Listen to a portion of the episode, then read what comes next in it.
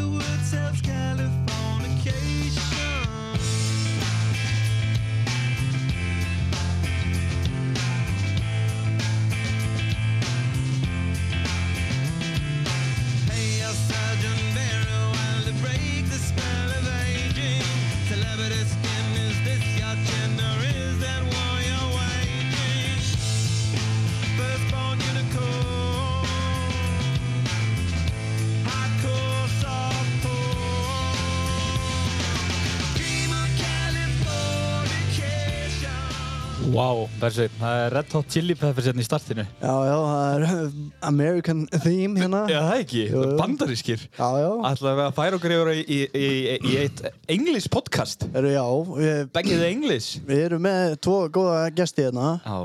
Annars vegar Gabriel Guðnason sem er svona, hvað maður að segja, hann er innflýtjandi á, á hérna, hann flytti inn einn Amerikana hérna okkar. Er það innflýtjandi af, af, af mekkum úr, úr bandarísku snjókrossi? Já, bandarísku USA Mekki frá úr ISOC hringnum. Það ekki.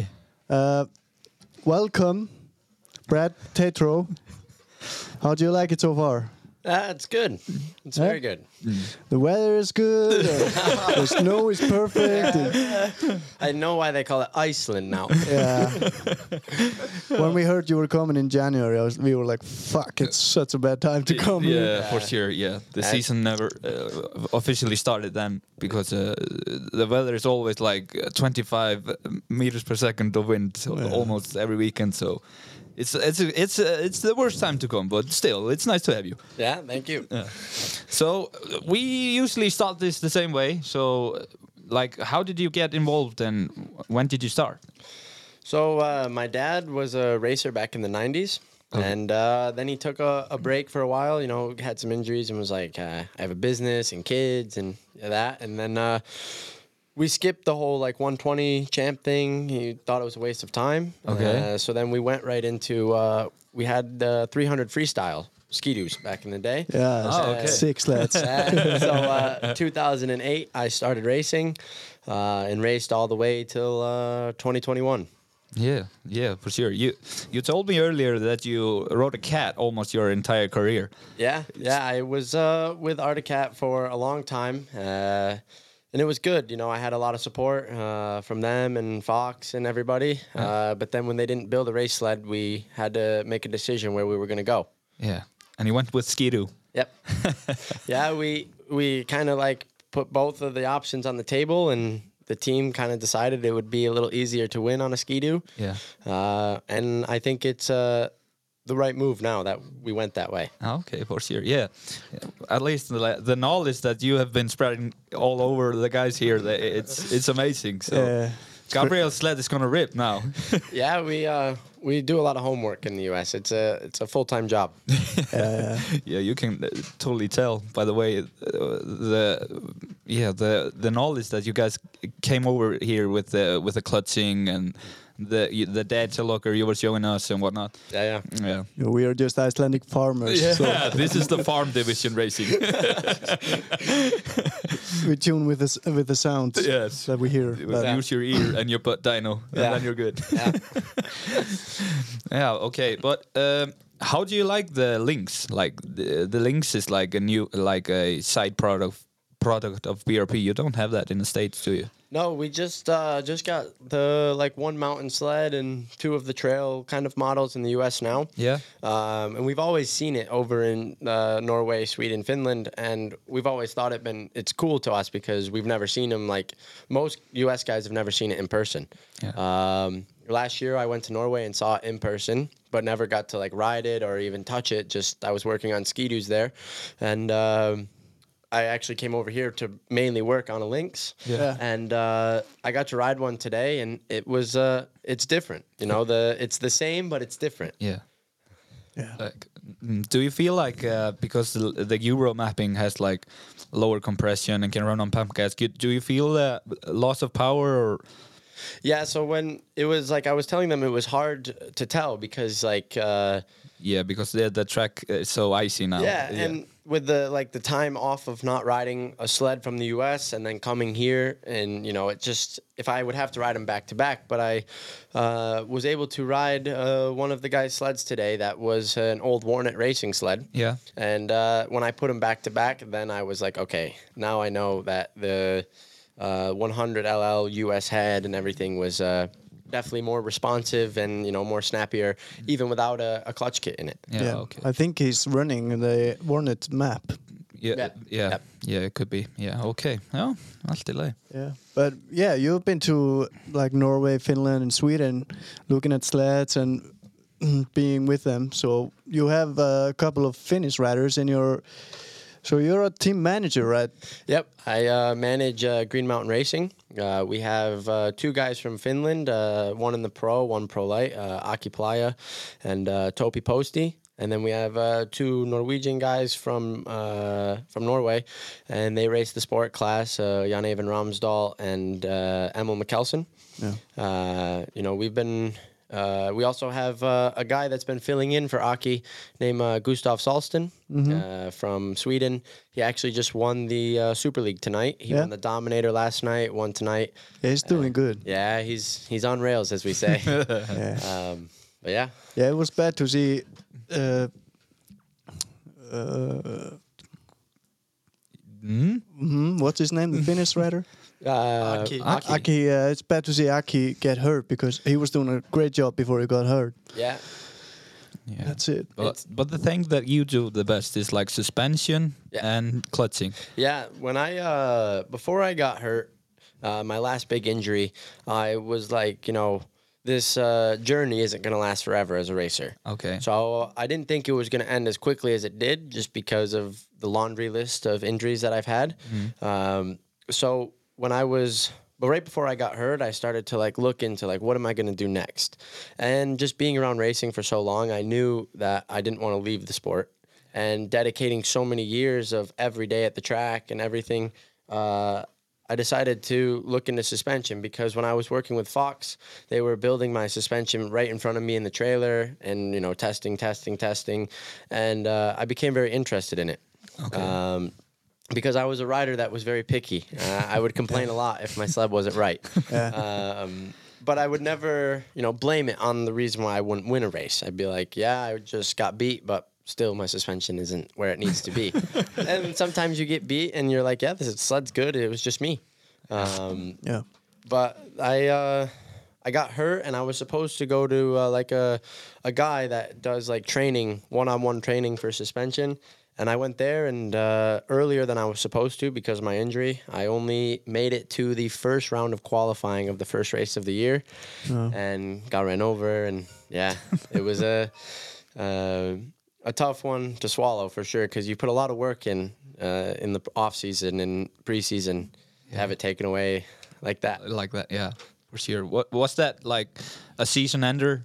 Yeah, Yeah. yeah. I uh, lacerated my liver. I was pretty much um, just standing around and sitting on the couch for six months. Oh, that's too bad. Yeah. You talk. Uh, you talked about your injuries. Uh, can you give me a, a, a quick uh, list of the injuries you had? Yeah, so uh, I broke my collarbone, uh, two bones in my foot, and damaged my uh, TMT joint. So I get cortisone shots in my foot now. Uh, I lacerated my liver. I've lacerated my spleen, which means like uh, bleeding internally, and I've also broken my pelvis, which is like the hip. Yeah, yeah. Okay. Shit. Yeah, All the all of that happened in a couple of years or yeah, four years. four years. Okay. So it was like some like the pelvis was on a dirt bike, Yeah. the collarbone was on a dirt bike, and the rest were on a on a sled. yeah, you guys all ride dirt bikes in the off season, right? Yeah, mm, I would say ninety percent. 90 percent of the field. Yeah. Okay, that's cool. But you have a BTR um, like hat on. Like Yeah. that's your company, right? Yeah, that's uh, the company I started when I, you know, went to the suspension school. And uh, at first, I was just like uh, tuning KYB shocks for the Ski-Doo and doing motocross stuff. And then uh, recently, I just became a partner with uh, Tractive Suspension, uh, which is designed by Total Tech in Finland. Yeah. Uh, and uh, I was searching for a new shock company in the U.S. because pretty much everybody runs stock suspension. Mm-hmm. Uh, obviously, different uh, different um, brands, uh, but all Walker Evans, Fox, KYB. Um, so we had a rider come with Öhlins from Sweden, and I enjoyed working with that a lot. And Öhlins just, uh, they seemed like they were trying to back off on the snowmobile side of things, focus more on cars and mountain bikes and stuff because snowmobiling is such a small industry compared to all the other motorsports. Yeah. for sure, Um, Yeah. so I contacted the guy from Finland, Seppo, and he was great to work with and still great to work with. You know, uh, they're very, very knowledgeable and, uh, you know, they put everything into it. And that's kind of what I was looking for too. I wanted them to have the same passion, like, uh, you know, working a 15 hour day trying to build stuff and dyno stuff is, is nothing, you know? and I went to, I got a chance to go over to Finland and work in his shop and it was, it was amazing. You know, uh, I was blown away when I was there. The, just the technology and the passion that he puts into it, you can tell, like, I was like, this is where I want to be. These are the people I want to work with. Yeah. okay. So you're a dealer for them, right? Yep. I'm the uh, only importer for North America. Yeah. Okay. For Öhlins and Total Tech. nope, nothing with Öhlins. Oh, okay. Just Nope. the total Yep. then. Yeah, okay. That's nice. Like yeah, you can like do you think the they will exceed the stock suspension in a Yeah. couple of years? You Yeah. think so? Yeah, I mean, uh, like I said, I was a very picky rider. Yeah. So, uh, but I haven't done much riding in the last couple of years, just because you know I'm so busy working on the snowmobiles instead of riding them. And we, uh, I like this is the first time in two years I've rode. Uh, eh, like the la- first part of the season. I started riding when they became like when they got imported to the U.S. and uh, you know I put them back to back to the KYB, and right away I was like, man, I wish I had these when I was racing. You know, That's a good sign. Yeah, yeah. for sure. Yeah, of course. Yeah, that's amazing that you guys like like the suspension from from from Scandinavia. Like Yeah. that's usually not the case, is it? no, we we knew uh, going in that we were going to have to make things different just because of the uh, style of the U.S. tracks and the way we compare it. It's like Scandinavia is like a motocross track, and uh, U.S. is like a supercross track. Yeah. Uh, so we knew we were going to have to make some adjustments and like the setups that the same guys would ride in Scandinavia wouldn't work in the U.S. Um, but we have uh, Seppo has a really good baseline uh, for a pretty stiff setup. Um, so we pretty much started with that, and you know we we're not far off of it, like where we're at now with our testing phases. Yeah, but the tracks are like completely different, right? Yeah, completely. Yeah. Yeah. It's pretty much like here also. Yeah. but we're like we're always trying to get like one step closer to the US. Uh, rather than going like to tracks like in Scandinavia because w- we feel like it's like pretty much of like uh, ice and uh, Yeah, pretty they hard like the, tracks. yeah, they like the the hard ice tracks and running without studs and whatnot. Yeah, it's very uh, rare that we run into ice. Like uh, we've even had races where it's uh, minus 25 Celsius. Yeah. and yeah, there's ice edges and some icy spots, but for the most part, they the guys in the U.S. do a great job at keeping it soft for us. Yeah. Yeah. Um, because when you get off at the speed that the guys are going in the U.S. Yeah, and you- you, get off on hard stuff, it's usually uh, a bad ending. Yeah. Yeah. Yeah, for It's sure. like when uh, me and Kristen uh, we went to Duluth in 20, 2020 or something. 19, I think. Yeah, 19. The Yeah. the year that uh, Saturday got cancelled and every, everyone went home because of a snowstorm. Yep. Uh, and then we uh, then we saw like the groomer taking down the the whoops hmm Yeah. in between uh, heats. Yeah, they fixed the track so much. Like they just groom it all the way down and then make the whoops uh, section again. Yeah, Yeah. keep it fluffy, you know. Yeah. Yeah, yeah. I mean, um, I feel like they they know that you know the guys are pushing themselves to the complete limit, Mm. and if you have uh, you know uh, ice edges or stuff in the track, it's gonna it's gonna end bad. Yeah. And you know, we always pretty much have 15 guys on the track at once, and Yeah. when you go down in the lead, it's you got 14 snowmobiles coming after you, Yeah. and then sometimes it's hard to get away from them. Yeah. You know. Exactly. Yeah, for sure. Yeah. So, what's a typical race day for like a manager back home? So, uh, you know, we have two sport kids, so they've changed the schedule quite a bit over the years. They're trying to work, you know, more with us on like trying to make it easier for the race teams to go racing. Okay. Um, and most of the pro teams, we all have sport riders with us uh, because we're all like looking for the up and comers, the guys, you know, that are trying to prove themselves. We give them support and help them. And uh, so in the mornings, usually we get there about nine o'clock, uh, and we, you know, sport practice usually is until about twelve o'clock. Uh, but usually you see all the mechanics, you know, rolling into the track for the different teams, drinking coffee and getting the sleds prepped for the day, and then. Uh, pretty much uh, I you know they have the power tower in the US and most of the managers stand up there.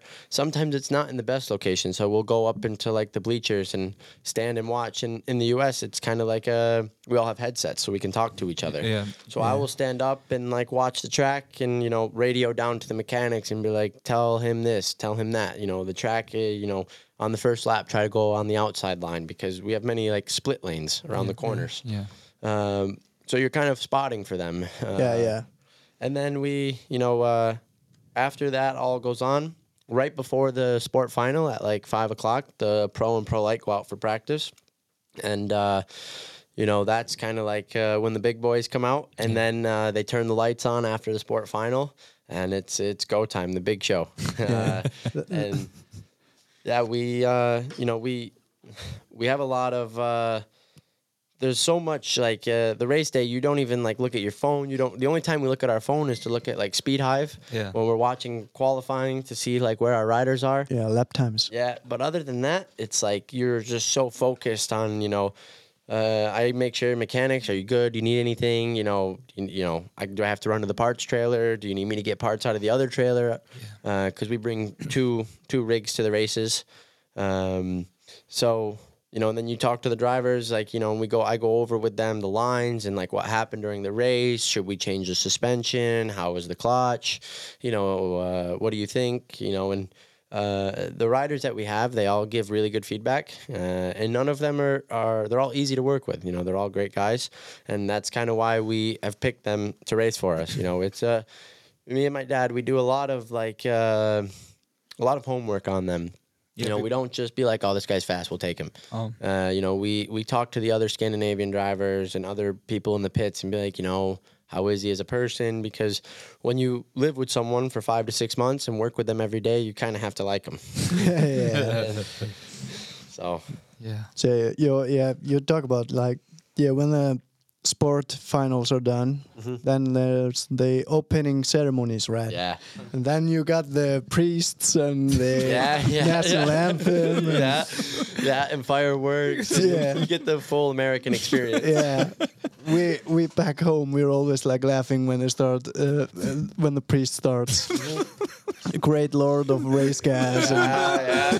It's like uh, most of our racing is in like what we call the Bible Belt. yeah. you know so they're all you know in into that stuff and you know it's fine but um, while that's all going on though like behind the scenes none of us are like up there watching it or paying attention like that's our time where we're getting ready in the pits and Yeah, yeah. It's just for the happen. for the schedule, TV schedule. yeah yeah it gives us a break and you know uh, in the night show there's a few classes in there that are realistically just like filler classes you know mm. the people are mainly there to watch the pros and the pro lights and Yeah. you know when they did away with the mods that's why they put the the cans on for us just to, you know because i've been at the races for as long as i can remember now and every time a pro or pro light final takes off you still get goosebumps you know it's Yeah. like wow Yeah. you know? That's what we missed. when we went. Yeah, we we also missed out on the mods. Yeah. yeah I would love to have seen at least one race with uh, maybe in 17 or something when when Cody and Hibbert were having at it. So yeah and tremblay was in the mix with them too Yeah. it was a a- as a as a kid to watch that you were just like your mouth was open the whole final Yeah. catching flies yeah, for sure. like, uh, do you think like uh, like the big teams and uh, maybe smaller ones also would like to get like the mods back, or is it just the the uh, watchers who, who would like it back? Yes and no. I think you know, like our uh, like the saying is like make snowcross great again. Yeah. Yeah, Uh, yeah. But it's so tough, especially now the way the sleds are built. Like it's almost impossible to get twin pipes under that skidoo hood. Yeah, Um, and it, it, I think it saved the sport because you know it was so expensive to build a mod sled. Yeah. And you know, you have some teams that can have unlimited budgets, Yeah. and then you have other teams that can only spend so much every year. And you could tell just on the racetrack, on the starting line, who had the most money. It was they wanted to eliminate that. They wanted it to be not who was racing for the team that had the most money. It was who's the best rider. Yeah. Uh, and I think you know I I, I kind of wish we had him back. It'd be cool. Yeah. Um, but like from our standpoint, you know, it, it, it definitely saves a lot of work because I mean we're already putting in eighty hour weeks to make it happen. yeah, yeah, for sure. Uh, do you think there's much like gap between a uh, like a twin pipe mod and and the There's thought- sleds you use in in the pro classes because they look to be very powerful? Yeah, I mean, I'm I don't know the numbers from back then, like horsepower wise, but I believe you know like the snowmobiles are just as fast, if not faster, than what the twin pipes used to be, just from the technology, and then when they switched to fuel injection and how light the sleds are now. You know, uh, I honestly think um, we kind of talk about it sometimes. Like when when is enough enough? Yeah. Because like the snowmobiles are getting almost like uh, like dangerous fast now. Yeah. And especially when you start putting good clutch and good suspension, and everything into them, the, the pros and the pro lights, they're going so fast. Yeah, Yeah. yeah. Because like the start, you have to get a good start, you know. Yeah. Yeah, because uh, back in like 5 they had this problem when they were all 800. They have to handicap them to a 600 because the speed was just getting out of hand. So, Yeah. My dad used to tell us that like uh, they used to have 440 yeah. stock and mod, 600 stock and mod, 800 stock and mod. And back then you would race like all four of the classes or all three of the classes and you know you'd pick and they said when they get to some tight tracks that we have in the US Yeah. uh, they would leave the 800 right in the trailer and race their 440s in the 800 class and do better than the guys that didn't have 440s just because those things were so much to handle. Yeah, yeah. Yeah, yeah. They, they were beasts. yeah, they were too much. They had some mods here also Mm-hmm. that came from America, like one uh, Amsol shearing. Yeah, they have a shearing speed sport like a Skidoo, and uh, they in, imported like uh, some Polaris and whatnot. Yeah, because uh, in the 2000s they had like uh, nationals here, Mm-hmm. like uh, worldwide nationals. It, it, wa- it was an international race. Yeah, international race. Yeah, and Justin Tate and Steve and uh, like the biggest names in the US then came over here to get like um, X Games ticket. Yep, yep. Yeah. because the race was Steve was fixing like an X game ticket to the guy who won. I think. Yeah. Yeah, but yeah, back in the day, like everybody just wanted the 800 back here because Iceland is like very weird with that. They Yeah. only want like the big horsepower sleds and Yeah. whatnot. They only sleds you can you see around here are like 800s or 850s and all, all of the big numbers. Yeah, yeah. So the market is not very uh, Where it needs to be. yes.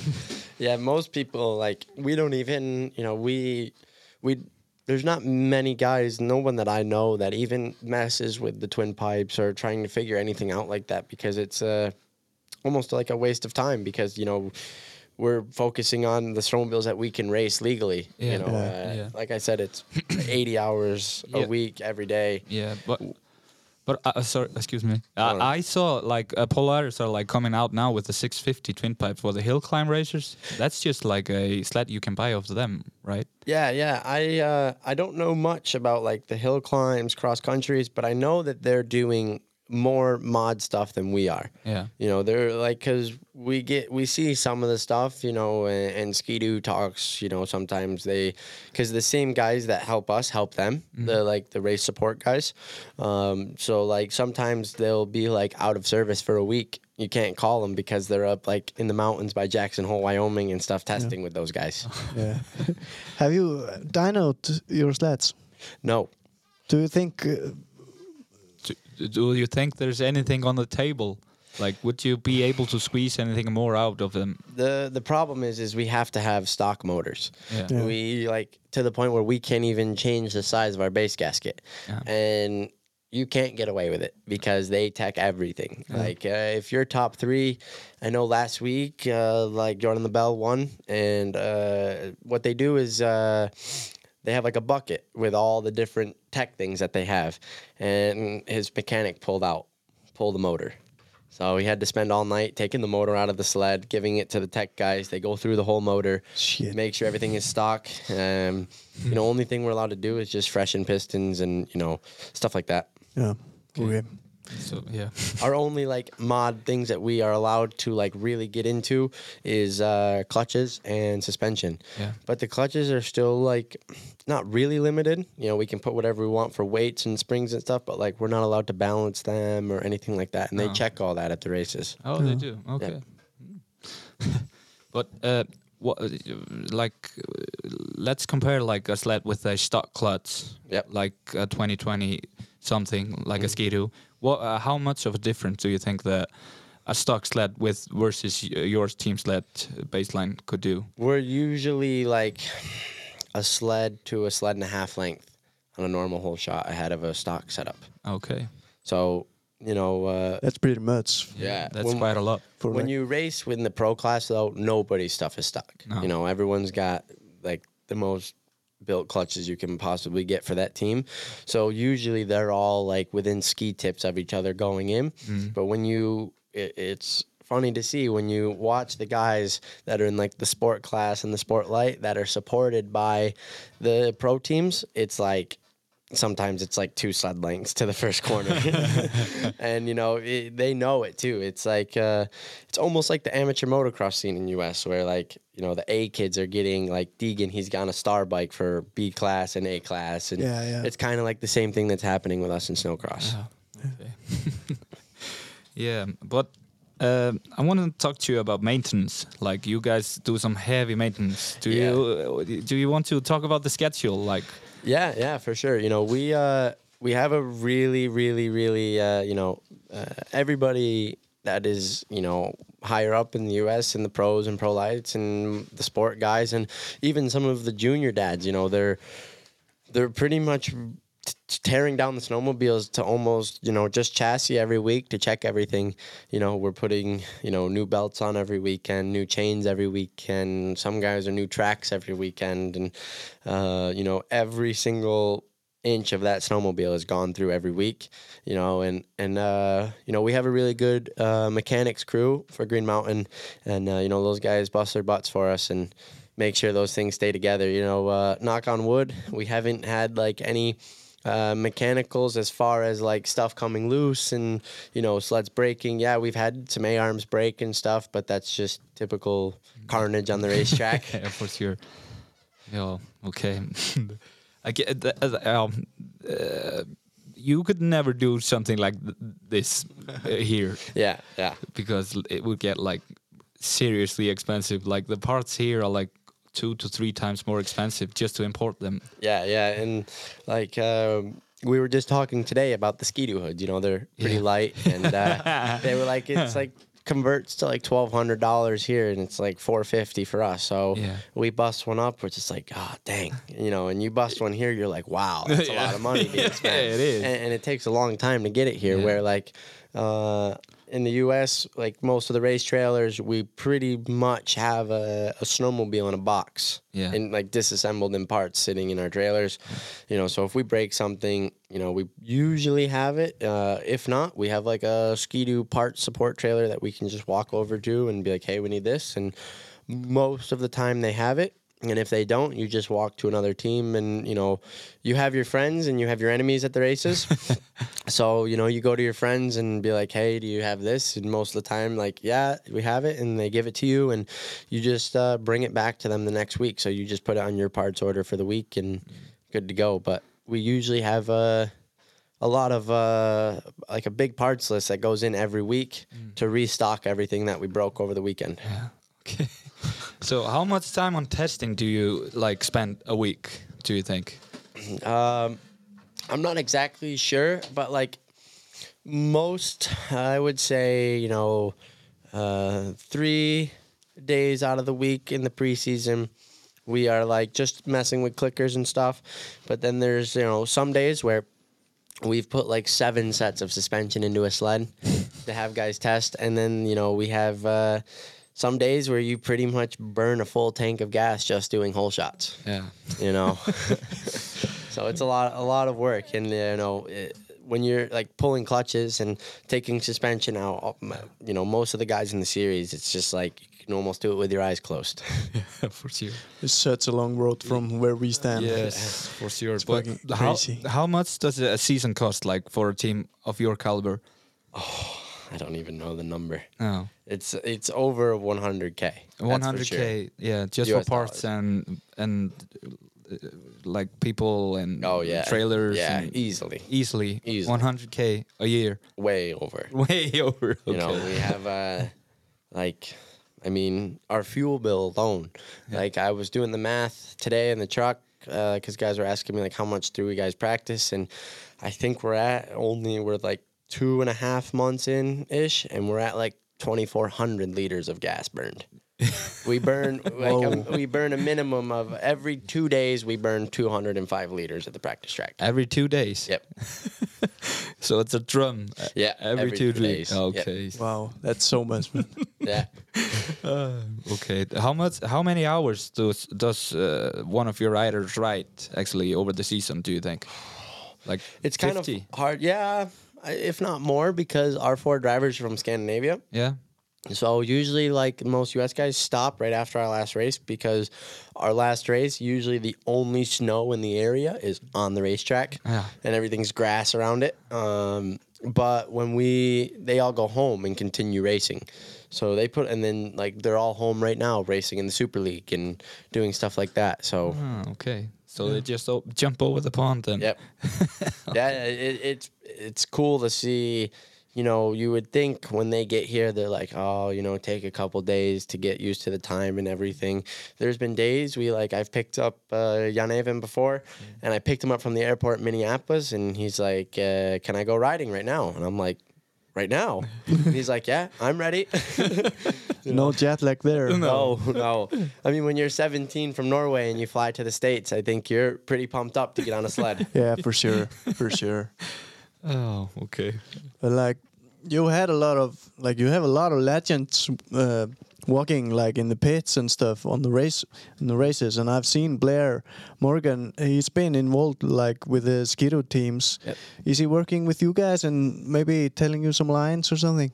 Uh, not so much. You know, uh, we're a pretty uh, like what we'd say uh, an in-house team. Yeah. So you know, we we are supported by Skidoo and, and those guys, but you know, most of our stuff, clutching, suspension, and all of our data and everything that we do is pretty much just with uh, me and the mechanics and the riders. You know, we have a lot of uh, smart riders on the team. You know, they all they're all like uh, and they're into it too. Like they're helping the mechanics. You know, and they're we have a good a good system going and you know we see Blair in the pits and say hey how's it going? And you know we uh our new wrap on our sleds we uh, pretty much went with an 07 06 I think uh, when he was on the rev with the honeycomb Yeah, yeah. our sleds are like a replica of that and he Yeah. saw that in the pits and he was like hey that's pretty cool Yeah, he's like- really nice sleds. yeah he's like looks like my X Games sled and we're like that's what we were going for yeah. you know, we got the like the old sky, old style uh, Ski-Doo logo. You know, like Yeah. with the B like flexing and stuff. So on it, and it's pretty cool. Yeah. Yeah, for sure. Yeah. Okay, Brad. You told us earlier that you you were a cat guy from a very young age, and then you switched to Ski-Doo. What what what happened? Like, why did you have the change of mind and whatnot? So when Cat didn't build their race sled, uh, I was a very, I was very abusive on snowmobiles. Uh, I was very aggressive, always attacking stuff, and I was.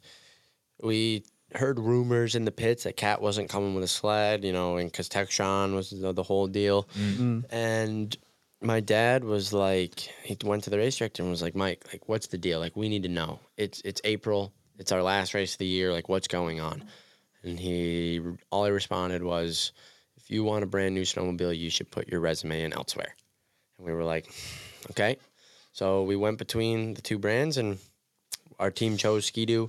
Uh, and I've only like sat on one once, and so like I got to the practice track for the first day, and you know, a lot of guys in the U.S. have problems with the brakes. Yeah. Uh, and the first day, I made it three laps in my first practice ever on a Ski-Doo, and you know, straight uh, up and down, skis high.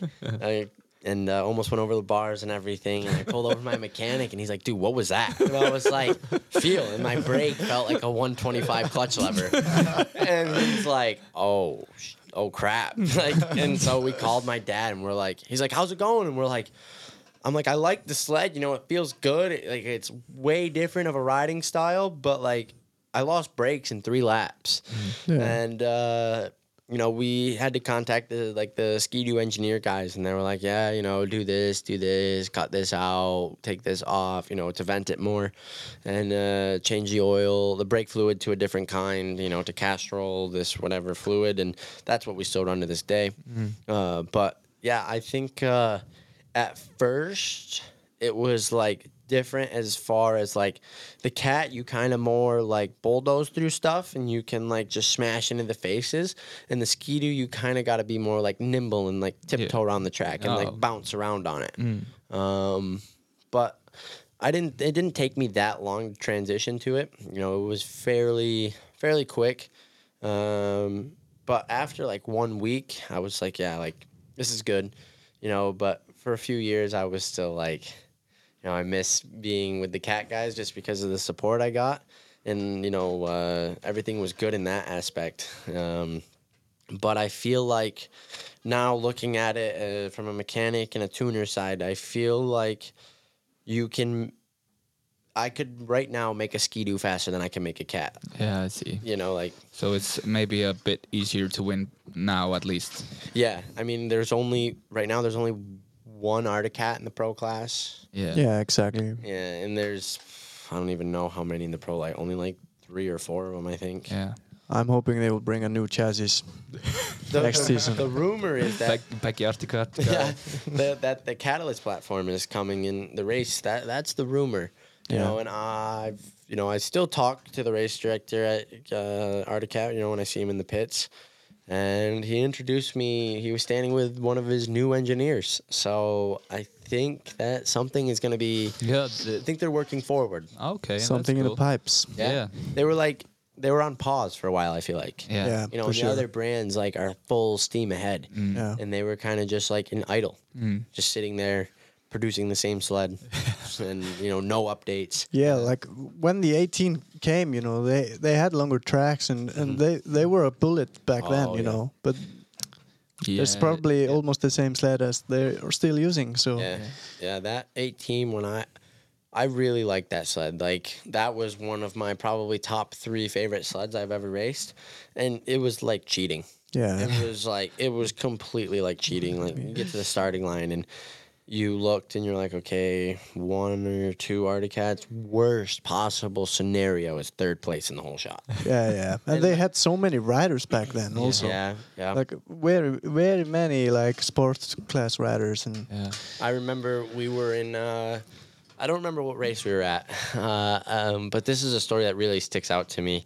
We were at a race and the we swept the podium with Arctic Cat one two three, and they swept the podium out the nationals one two three in the pro light. And uh, my dad sent a picture over to the race director, being like, you know, uh, it's going to be a hard day for the um, Arctic Cat checkbook. And then later that night, he sent us a picture of the guys on the podium there. And he's like, I think we're going to have to rob the bank in Deadwood. and Yeah. I, I know that, like, I pretty sure as far as like contingency wise goes i'm pretty sure that has to be close to a record number for any manufacturer in a year because Arctic Cat was i mean there wasn't i 90% sure there wasn't a night where there wasn't at least one Arctic Cat on the pro and pro light podiums Yeah. in both series that were going on in the us They were they were doing really well Yeah. back then. But then the next year, like when they had the when you switched switched over to Skidoo, Mm-hmm. like the Skidoo was on fire then and has been uh, ever since. Like yeah when they came with the new body, the G4, Mm-hmm. yeah, I think you know, uh, the, working with the Ski-Doo guys for the last few years, you can tell like they want to win races. Like Yeah. that's all they're there to do. Um, and they put a lot of t- time and money and effort into their program, and uh, you know. Uh, I think that's part of the reason why we kind of went with them too. We could see how serious they were about it. Yeah. Um, you know, and they, uh, you know, just by switching that hood, like yeah, it's a, it's a, it breaks a lot, but it saves a lot of weight, and weight is power Yeah. you know um, and you know when they have a problem they they try to they fix it they work their hardest to make it right and and uh, you know uh, it's good to see you know the race director from uh, Ski-Doo, Kerry Deku he's he's up with the junior classes he's you know working with the junior kids and like Ski-Doo sup- I think most of them do, but I only really pay attention to the Ski-Doo guys. But they're helping all the way down from the transition eight to ten year olds all the way up to the pros. Yeah, You showing know? passion. Yeah, yeah, those guys are working the longest days for sure. You know, they're there at seven in the morning with the little guys until we're done at ten o'clock at night. Yeah. You know, and sure. it's great working with like him and JF and those guys. They're a text message or a phone call away, and usually you have an answer. And if they don't have it right off the bat, they'll get it for you within a couple hours. Yeah, okay. That's nice. Yeah. We have to wait a couple months in America. yeah, you break a hood in Iceland. That's Yeah, uh, two fucked. months wait. Yeah. then you're just gonna ride with duct tape on for the rest of the season. but that's how it is. Yeah, Yeah. that's the difference between living in the states and Yeah. here Yeah. on an island with very windy weather. Yeah. but we were talking earlier, like uh, about something memorable from your career, like. Uh, like what's like the worst thing that has happened to you on a race day? Yeah, so I would probably say uh, it was my pro light debut at the Nationals. Uh, it was supposed to be in Duluth the year it got canceled. We only raced the Dominator that night. I had some sled problems in round two, which like in lap two, I you know uh, pretty much cartwheeled my sled, Yeah. which ended my night pretty early. Um, my mechanic uh, Nick Gugino. Looking back at it now, it's a really funny story. Like of like, I got my sled back up and started riding down to him, and then like the front end like disconnected and like almost ran into like uh, they used to have like a Ram truck in the middle of the track. And almost like slid down the mountain into it, and I was like, dude, that would have been a great first day in the pro light class. But uh, then we went to Fargo, and it was uh, I don't know Celsius, but minus 13 Fahrenheit, which is Yeah, like cold. Yeah, that's Yeah. brutal. Yeah. And uh, I, you know, was really really nervous. Uh, but like. Uh, my mechanic at the time, you know, he was great as far as like mentally helping me at the races and stuff. And you know, he was like, uh, he could tell I was like uh, shitting bricks. Really, like I was, you know, I was nervous. Nervous. And went out, had a good practice. You know, I'm not sure where I like. We don't pay that much attention to the times because it doesn't really mean anything. Just it's more like a me- mental thing for you. Yeah. And I never used to like to know that stuff. I didn't like to know who was in my heat races. I would just show up to the line and be like, okay, like doesn't matter who I'm racing. I'm going racing. Yeah. Um, and we went out, and I was like seventh. I was last pick in the in the qualifying round. We draw pins, and I picked pin ten. So last pick, and I was all the way in the inside against the pole, and had a bad jump. Whatever, went up the hill. Uh, went down the rhythm section on the inside and like filed into second place behind Pat Node. Uh, that was the year he was going for the his defending title. Yeah. So I was like, okay, this is a perfect opportunity. Like this guy knows what's going on. Just follow him around the racetrack and we'll be good to go. And I squared it up and a rider, you know, first lap it's it's chaos. You know, you got 10 guys all and it's actually the first race of the year. Everyone's trying to show what they got.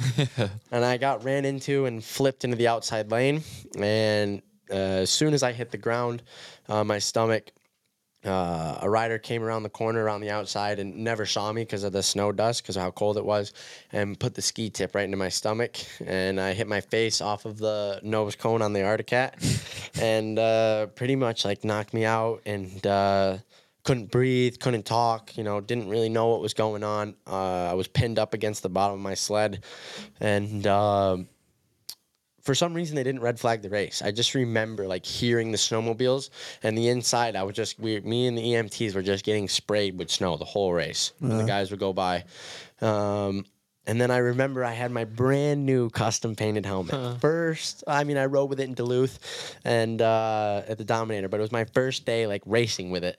And I remember going to try to get my goggles off, and I felt there was no visor. And the first thing I was like, dude, my helmet is destroyed. I remember that, and then you know uh, the sleds, you know the noise of the of the pro light sleds went away. The race was over, and I could hear my dad and my mechanic talking to me, and I knew it was serious just by the way they were telling me like it's okay, but you know, it's gonna be all right. And they put me on the stretcher, and I couldn't even lay on my back because I was like curled up in a ball because my stomach hurt so bad. So they put me on my side, and like I remember going down the side of the track and the side by side in the back on the stretcher, and like my mechanic rode with me and like uh, was like turned around trying to talk to me the whole time. Went into the medical trailer. You know they did a ultrasound because the way I was breathing, they thought my lung was disconnected. So they checked up like by your collarbone and they said that was good. Then they put it down on my liver right where I got hit, and they were like, "Yeah, we're going to the hospital right now." uh, opened the doors, brought me out on the stretcher to that, put me in the ambulance, went down the hospital. You know, uh, I feel bad for my dad and mechanic at the time. You know, they were sleeping in hospital chairs for like four nights. Uh, Wow. So it was a tough. It, it was definitely a tough go, and I think that's when it opened my eyes. Like I don't want to do this anymore. And I came back for one more year, and it just the fire wasn't there. You know, Oh. it was. I was just like, this isn't worth it. No, I see. You couldn't rekindle it. No, no, exactly. That's like the perfect way to, to put it. You know, I just couldn't. I didn't have that fire anymore. Oh, okay. I wasn't hungry for it. You know, and uh, you know, I. Do, do you ever regret like having to switch over to a mechanic?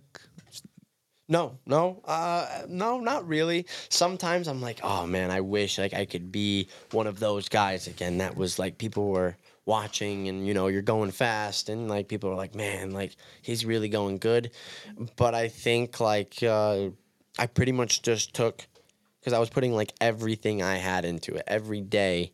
I was training and and watching videos and just like dreaming and hoping I could be that fast. And I finally, it was like, it was pretty tough because I got like right there and then it was just all smashed away. Yeah. And uh, yeah, almost before it began. yeah, yeah. And you know, so I, uh, I, I'm not that sour about it because like I put all my effort into the mechanic side of it now. Yeah. And uh, you know, it seems to be paying off for me. Yeah, you know. Are Yeah, you, for Are you using the like the same methods? Like, uh, are you going all in on the mechanic side Oh now? yeah, I mean, I think honestly, I'm even more than I was when I was racing, Oh. uh, because like, it's like uh, when I was telling these guys about like, oh, you do this with the sled, we should do this, do that, and one of them asked me, they're like, how much you think about this sled, and I was like, it's all I think about. You know? it's the only thing that crosses. It's the only you know thing that is. It's the only thing that really interests me to the point where like I'll stay up at night just thinking about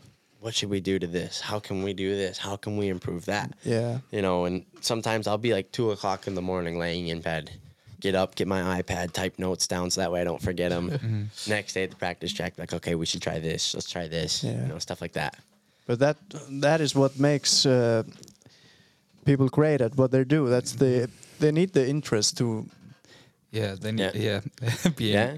to be able to do all the research and all the work. You know. Yeah. And I, I know that like I'm not the only guy in the pits doing that because if I was, I our stuff would be like way better than everybody's, but like pretty much every team has a guy or two that's doing that. Yeah. yeah, You know, I know the Ski-Doo guys are pretty much doing the same thing on not as far as like exactly just clutching in shocks, but like developing the models that are coming out in the future years. Yeah. But I think uh, the Ski-Doo is releasing their new 2024 lineup very soon. yeah. Okay. Saw something about that the other day.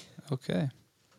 So Because of the anniversary or of the ref. yeah, I think so. I don't know. Uh, I don't know. I mean, they just came out with the Gen Five. Yeah. Uh, but For sure. it's kind of I don't know. I don't know too much about it because they didn't switch our race sled too too much. And like people ask me a lot about like trail sleds, mountain sleds, this and that. But like I just know that they're there, and Yeah, you, know. you don't really mess uh, No. that much with them. no, Oh. no, there's no time for it. Okay.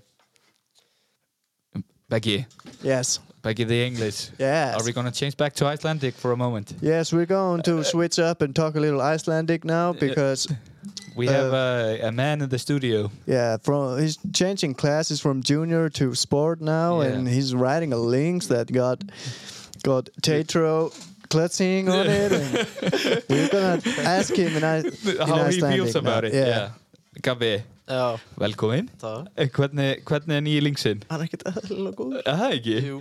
Allan að núna? Já, Sko, nú prófaðu, þið prófuðu allan um daginn, skilur Ég veit svo sem að brautin har ekki verið sérstakar, skilur En hvernig, hva, hver er munurinn á þessu?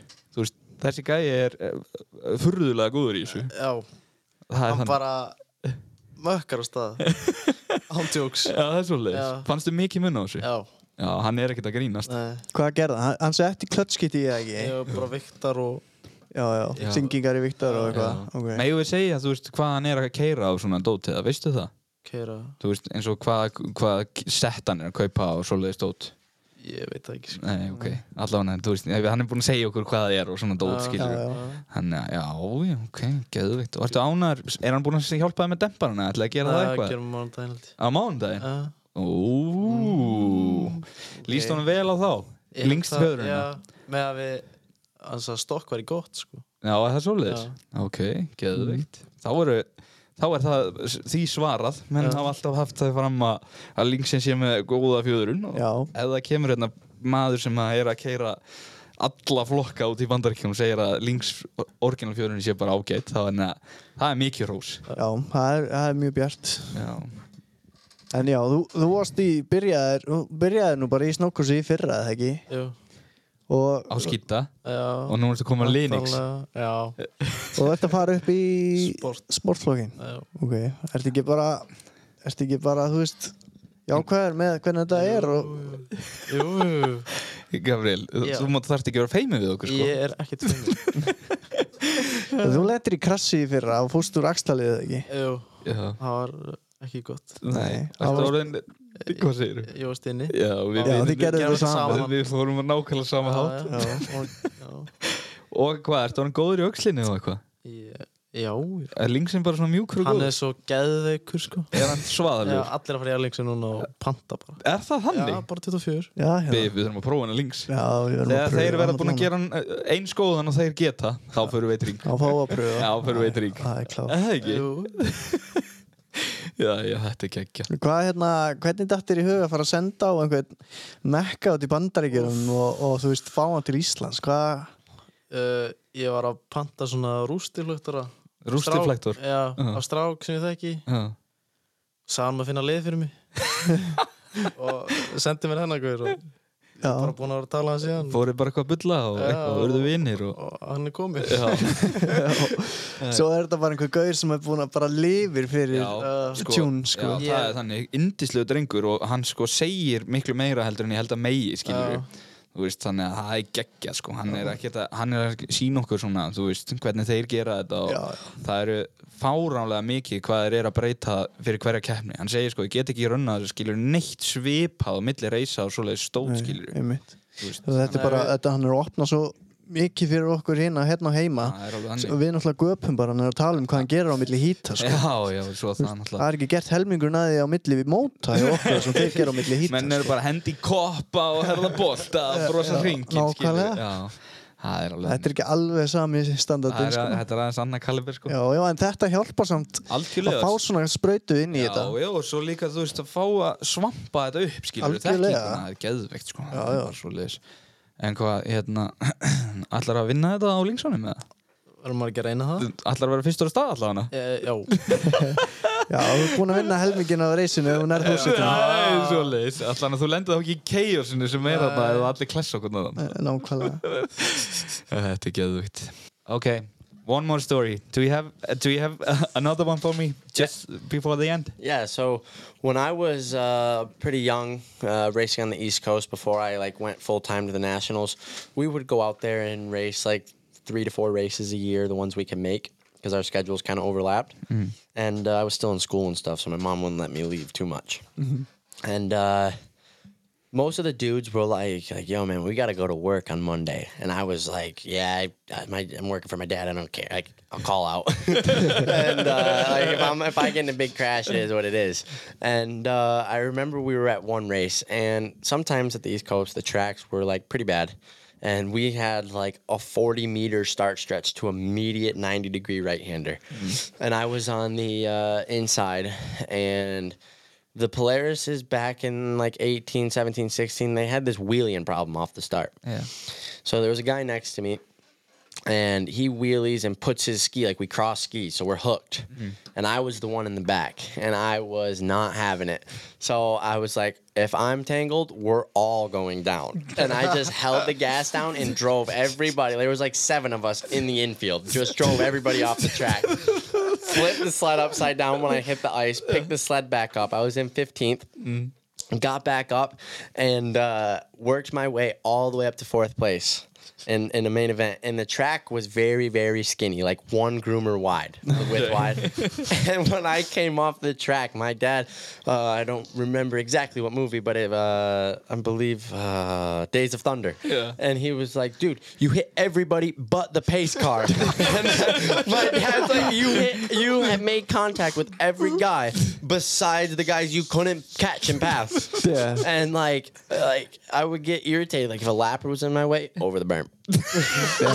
like you're not slowing my race down, dude. And like guys would get pissed at it, and I was like. I remember uh, we had to get my uh, spindles repainted because all of the uh, paint on the right spindle on my cat was completely gone.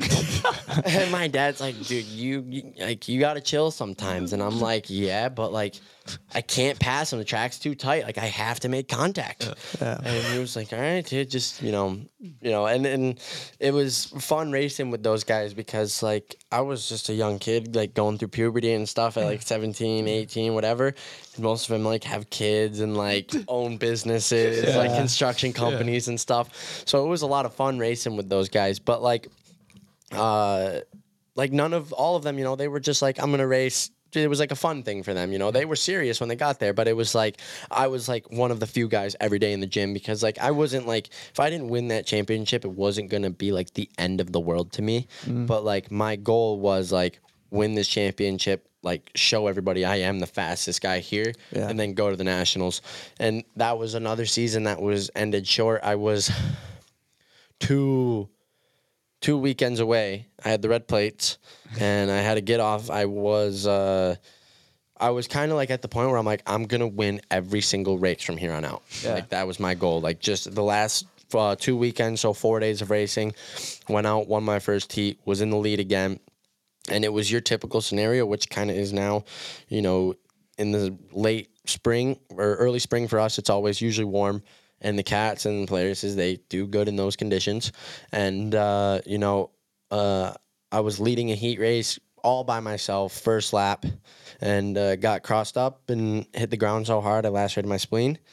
But, uh, you know, I was, uh, that was kind of like a, I was so revved up to race that when I was in the hospital laying there, the doctor comes in after they did like CAT scans and whatever.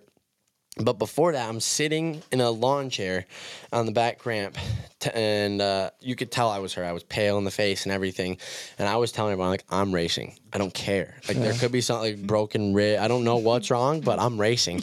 and like there was a, a couple of moms that were like around our team that were like, "Listen, brother, like you shouldn't do this." Like, you know. And then one of the EMT dads came over and like checked me out and like started feeling my stomach, and he's like, "Listen, like one of our friends did this in like a couple years ago. Like you need to go get checked out." So finally, I I budged and was like, "All right, I won't race this final. I'm gonna take the start for points, but if I'm not hurt, I'll be back tomorrow morning. Like if there's nothing wrong with me." Yeah. Went there, the whole deal, and the guy was like, "Yeah." So the bad news is you lacerated your spleen. The good news is is you're probably gonna be able to keep it. And I was like, so okay, so like how long? Like, can I race tomorrow? And he's like, definitely not. And I was like, we have one more race in two weeks. Can I race then? And he's like, no, you can't. And I was like, so if I get surgery and remove it, can I go racing? And he was like, eyes wide open. He's like, looks at my dad. He's like, he's pretty passionate, isn't he? And I was like, I looked at him. I was like, all I want to do is win this championship. Yeah. and then you know it was another like six, seven month recovery from that one. But uh, yeah, it was. Uh, it was fun racing those races because like it was a very like family fun atmosphere. And then you just had me over there like my headphones on before the race on my cycle. Like I was there to kill people and like these guys were like you know high-fiving each other and stuff. And I'm just like staring at this track like dead serious. Uh, but it was fun. And like uh, that's when I like that year I became super close as far as like uh, having my dad and my brother by my side. And like my brother definitely w- has played a huge role in my racing over the years. And like that race weekend he actually wasn't there. It was the only race. He had like something going on because he was a big baseball player. And i don't know remember exactly what but he wasn't there. And like he was just like because when you're a mechanic for somebody like that that um, like motion and everything the rider's putting in it's the same for the mechanic. Yeah. you know because like that's your snowmobile out there that's going around. And you know he was definitely like he was so bummed. Like he was upset and he was like telling my dad like you know it's my fault. I wasn't there and this and that. And like it was definitely tough to watch it go away but it was like uh Uh, like we went to the last race and I took start still and I was so far ahead in points. I missed three days of racing and still finished fifth in points. Yeah. That's something. yeah, so I, I was still taking starts and like man, it was like I'd roll up to the starting line and sit on the side with like just a helmet on and a pit coat and take a start and every time I was just like shaking my head, pulling the sled back to the trailer, just getting last place points. I was like this. Crazy. Yeah. It was, Yeah, it's not fun. no, no, no. Yeah, um, that's uh, that's. Uh, did you have to send like a long Christmas list of ex- uh, "Excuse me, I hit you" notes every year, or Yeah, I mean, like, there was definitely some times where it they were like there was like a little bickering, you know, back and forth between a couple of the riders, but Yeah. most of us were cool, and like a lot none of none of them like moved out of my way Oh. but they knew like i was on a mission to get to the front like they were like if we don't kind of just like not let him by but like don't like hold him up he won't hit us Yeah. But uh, I definitely that season I grew a reputation of an aggressive rider, Yeah. and like, like jumping into corners and stuff, just like wide open in the air because we had the cans on, and it would like when you're behind, when you got a guy behind you and you just hear him wide open in the air, you're like, oh crap, like, he's coming, and sure. uh, like a lot of the times, like even some of them though, like the tracks out there would get super icy in the corners, and I would just be pushing so hard and like, just like go blank in the brain Yeah. and just slide into the corner and ram into him on accident. And like afterwards, I would be like, "Sorry, dude. Like I didn't actually mean to hit you that hard, but like, watch out, watch out." One crazy teenager in the middle of the track. Fucking bulldozer. Indestructible. Yeah. well, those Arctic Cat spindles were so big; they were like battering rams. Yeah, for sure. I remember the one time I on the 16 when it had like the square style spindle. Yeah. Uh, one guy put me over the berm, and I was like, "You're in my next heat, dude." Like that was not the right decision to make, and I. I uh, Looking back at it, I was like, damn, I, I was kind of an ass to some dudes. Like, I hit him way too hard than I should have. I hit him so hard that it bent the Arctic Cat spindle. Yeah. Oh, okay. You Yeah. a pretty deep hit to, to yeah, bend it. yeah, you know, and uh, yeah, that was my dad was just like dumbfounded. He was like, like we've never seen one bent before like that, Oh. like caved in. And he was like, dude, like you got it, and and I didn't even get black flag for it. Oh. No, because I think they kind of knew me and this guy had a little beef going on, Yeah. Yeah. and we were just settling scores back and forth. And I that was like that was the nail in the coffin. That ended the beef. Oh, okay. Because like he knew like hit me again. I- Like I just bent an Arctic Cat spindle on your running board. I His running board must have been really smooth at the end. but no no it was uh, Robin's racing. Yeah. I guess so. That's for sure. yeah. So Yeah, we were talking about like because you you're co- coming here to Iceland in in January, yeah. and we know that this isn't like the best time to come here because the weather is so unpredictable and Yeah. we Yeah. get snowstorms every other day and Mm-hmm. stuff like that. So we would like you to come again in in uh, April. April, May. Yeah, for sure. You know, I'll be probably in Norway, Sweden, that area, of Finland for um, the most of the part of April for racing. I might even make an appearance at a race there, and you know, yeah, uh, for sure. um, but I definitely uh, am gonna stop on my way back across the pond. Yeah. and uh, you know, everybody in Iceland has been. I can't pronounce like any of the names. I can't, I can't even pronounce where I'm at right now. Uh, but like everybody has been like super super welcoming, and it's been like a, a great experience for me to be here. I've only been here for three days, th- Yeah. four days, three days now. You know, and it's been it's been great, and you know, uh, I think. Uh, this part of the snowcross world is definitely going up. You know, you can just see the passion that everybody has here. It's Yeah. it's pretty cool to see. You know that there's not just people in the U.S. going this hard at it. Yeah. You know, and like like you guys were saying, it's like a, a farm league or whatever. But I still think like there's everybody wants to progress still. Like you know, everyone's still uh, like trying to figure out like like you guys are studying what we're doing. Like there's some dudes like that are telling me stuff, and I'm like, how do you know that information? Like, like sure. I barely know that. like I'm there every weekend. Like it's pretty cool to see, you know. And um, like I've said many times, I think uh, you know if racing is growing. Uh, everywhere in the world it's beneficial for everybody you know and, For and i think it's just a, a great sport to be involved in i mean you know i think especially for the kids it keeps them out of trouble you Yeah. know, you For know. sure, yeah, yeah. Yeah, yeah, for sure. Yeah. Thanks for coming. And Yeah, no we, problem. We'd love to have you back. Yeah. we, we gotta show you the mountains. Maybe we. Uh. I've been, you know, my whole life I've wanted to backflip a snowmobile. yeah, you Like can do that's That's been a, a a goal of mine before. I'm like, okay, like zero riding left in my life.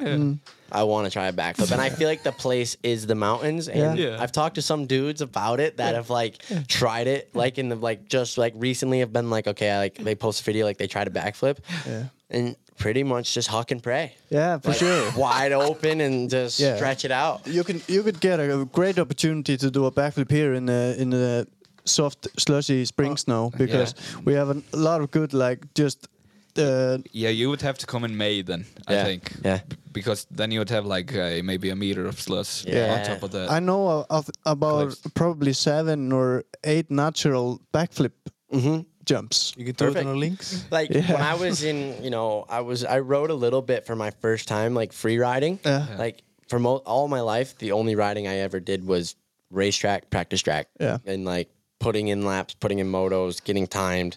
So like last year when I went to Norway with the the Ramsdal family and like rode with them and the McKelsons and you know was over there and they took me out in the mountains and it was just like, man, this is cool. But it was like the snow conditions weren't the best when we they had a lot of snow, but it was like hard packed. You know, Yeah. it wasn't like it was slush, but it wasn't like you could walk across the top of like eight feet of snow. Ah, okay. I see. You know, so um like the problem is when it's they say when it's like mint conditions in Norway, we're in the US racing. Mm. You know, so but it seems like here we can uh definitely try some like backflips and bow ties and Yeah, Yeah, yeah, sure. You, You can. know, uh, like- you can have a go at it if you want to, but Yeah. For sure. I'll I- just I tape mean- it. Take the do the Sweden whip. Yeah, yeah. I've uh like uh, one thing I did notice here is the there's a there's more mod sleds kicking around. I, I've seen more sure. mod sleds the last three days with twin pipes on them than I have in the last five years in the U.S. Yeah. and like I like I definitely want to ride one of your mods. Like like even though it's a Polaris, like not a Polaris guy, but like. I've never got to ride one. You know, they took those away before I was old enough, Yeah. and I'm like, oh, foaming at the mouth to ride something with, with That's like an twin pipe. under, that's like an underground sport here to have mod sleds Yeah, in Yeah, the Yeah, garage. you find some uh, old beat up factory mod from 06 Yeah, and you, you guys clap it up Yeah. and make it nice and You guys it. should have a class for that. Yeah. like, For sure, yeah. Like uh, retro mod. Yeah. Yeah. You know? Yeah. We were thinking about doing like a ditch banger thing, like you guys have back in for the state. sure. Yeah, that's next weekend, right? Yeah, my my brother, he's into that. Like Yeah. that's that's his time to That's shine. so and, cool. I really like that concept. Yeah, he's uh like that is his thing. He's got his he calls it his ditch pickle because it's a ZR uh, 2001, I think, 600, and man, he he rips the hell out of that thing. Yeah. like, like he he that's his baby. Like that That's thing- such a cool sled, also. yeah, like he's got a can. He's like, dude, you need. It's like when you get back, you're building the shocks before we head down to the race, and like I'm like, you know what, like for sure, like, I'll do that for you. You've done so much for me. But like 2001, they had like the uh, the the shocks were connected together. That thing. Are you talking about that thing? yeah yeah uh, Yeah, they um, it, they had only like I think one canister for the nitrogen, and they were all connected to the I- shocks. yeah, I think in the so. rear. yeah, Yeah, something like that. Yeah. It's a, it's a, definitely a little bit out of date for me. yeah, for sure. but you know, um, it's funny to watch him like wa- work on that thing, and when he talks about it, he's like, "Dude, this is this is my sled. Like, like that, that's his race sled." And it's like, it's great. Like he's like put a new track on it. He's got brand new CNAs on it. Like, oh. and they're- all the guys that races ditch banger, like they're building these. yeah, they're getting serious back like, there. We, I've raced it before. And like you're going to the to the snowmobile salvage yards, Yeah. and you're just digging through parts to find the best ones. Yeah. You're like holding stuff up next to each other. You're like, this one's a little bit more beat than this one. All right, I'm taking this one. Yeah, for sure. know, I, I saw on YouTube there were some some guys uh, that had some sleds like that, and they went to like uh, a sled farm Yeah, or yeah, something. yeah. It's And I've never seen vlog. that many sleds on There's there's two of them in Minnesota. Yeah. Yeah. One's like called Mohawk, and I forgot the other one. And I Fucking spent, huge. I it's spent huge. like a day at least in each searching for parts for my sleds and like our friends' sleds that are racing it. And like right now on like my Snapchat and stuff, you see a bunch of dudes like they got like some Motley Crue song in the background and they're like showing their their sled they built. Yeah, growing a mullet and a mustache. Yeah. Like, we, we love that kind of thing. Yeah, And it's like great. in in the SeaTac vlog, the uh, Bobby LePage was bringing like his old old mod Yeah. at the practice track just for like to get times for like Yeah, the race next like, weekend. Like we've like done a little bit of like like testing on them. Like we go out and like me and my brother like do a couple whole shots against each other. And the best part was the best part about the race last year is both of our sleds. I mean, any pretty much all those old sleds, they have a problem with loading up on the starting line. You just let them idle. yeah. And me and my brother, we're on. We like we're pick one and two somehow, and we're both like on the inside, and he's right next to me, and. He looks like we already had this planned out, even if we weren't next to each other, but it worked out great. He got off his sled, came over. I stood on the side of my sled. He picked up the back. I cleaned my sled out, and then we switched. And he went over to his sled, and I picked it up, and we cleaned it out like it was on a jack stand. went out, took off, and it was great. yeah, it's definitely a cool venue there. Yeah, Yeah. for It's sure. like it's like kind of like a no rules race. It's like, yeah. It's like a yeah, it's a good thing to have like in the middle of the season, like, Yeah. to get your mind off things. and- Yeah, for really- sure. yeah. When when Elias MXC uh, fucking burnt. yeah, it bl- yeah, it burnt the brake. Yeah, the flames are Yeah. coming out the exhaust, and I, I've raced it twice, and both times ended up with blown up snowmobiles. like you- my my MXZ last year, I was in fourth in the mod class, and and I thought like it was like if you had a can on Yeah. that you that signified you as mod, and my like came with a can, so I was like, okay, yeah, mod class. Yeah. Realized that all the dudes were racing their stalkers like mine was with a can in the stock class. Oh. So I'm like racing against like 800 summits with tw- uh, twin pipes on them and stuff. Yeah. And uh, I'm in fourth, lost break, second lap, like like straight to like nothing at all. Almost died because I lost my brakes. Didn't know that they were gone until I was barreling into one of them big bowl corners and almost jumped it into the parking lot. Yeah. And then uh, she started gurgling bad and running on one cylinder. And, uh, and it's like every year it's been like minus 20 Celsius when we Yeah, race it. So super like cold. like we have problems with the carbs freezing up and stuff, and we don't know how to take care of that because, yeah, because like, you're all EFI guys. yeah, yeah, exactly. like that's so foreign to us.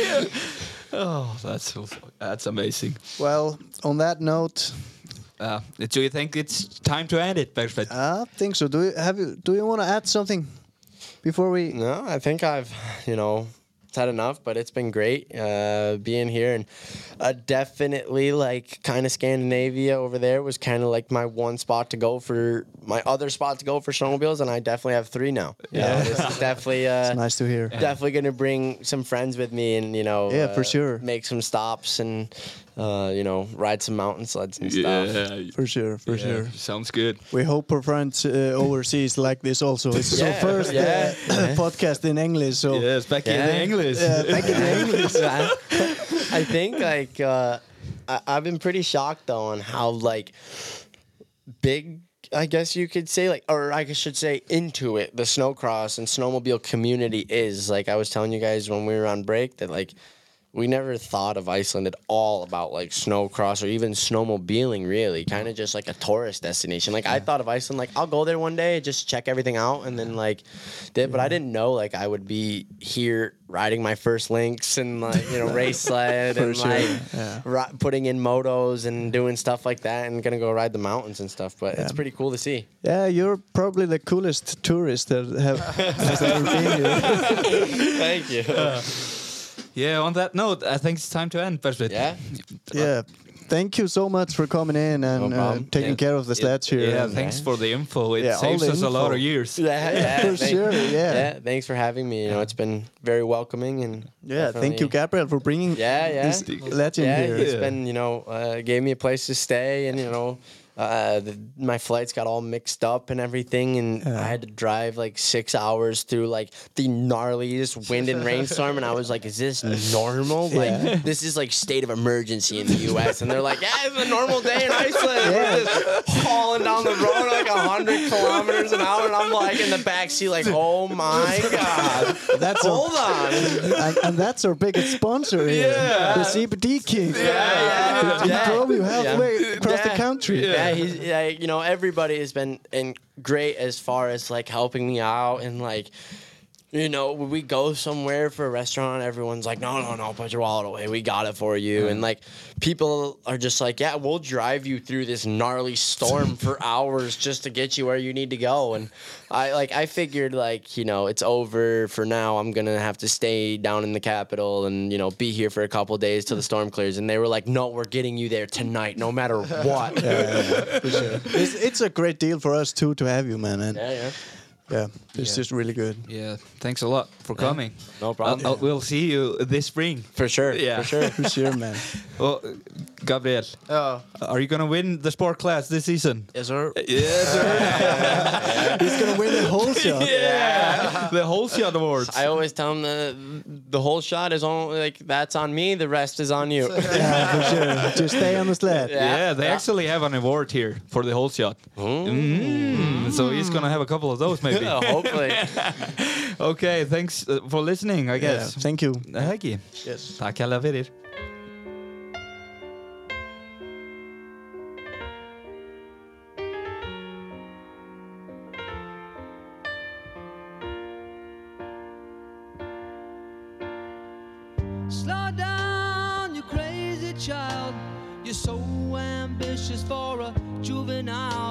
If you're so smart, tell me why are you still so afraid?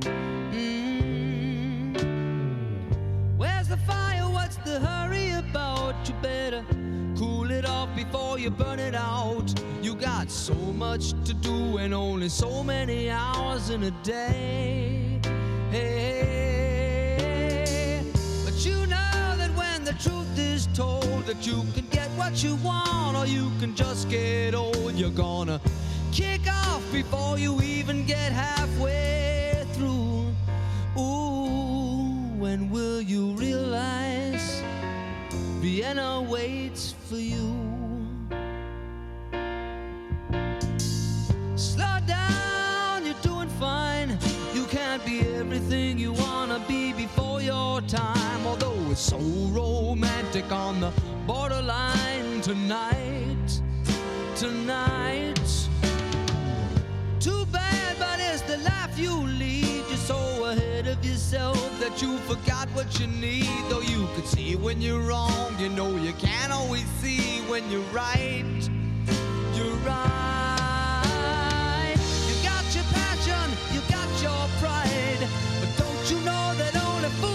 Satisfied. Dream on, but don't imagine they'll all come true. Ooh, when will you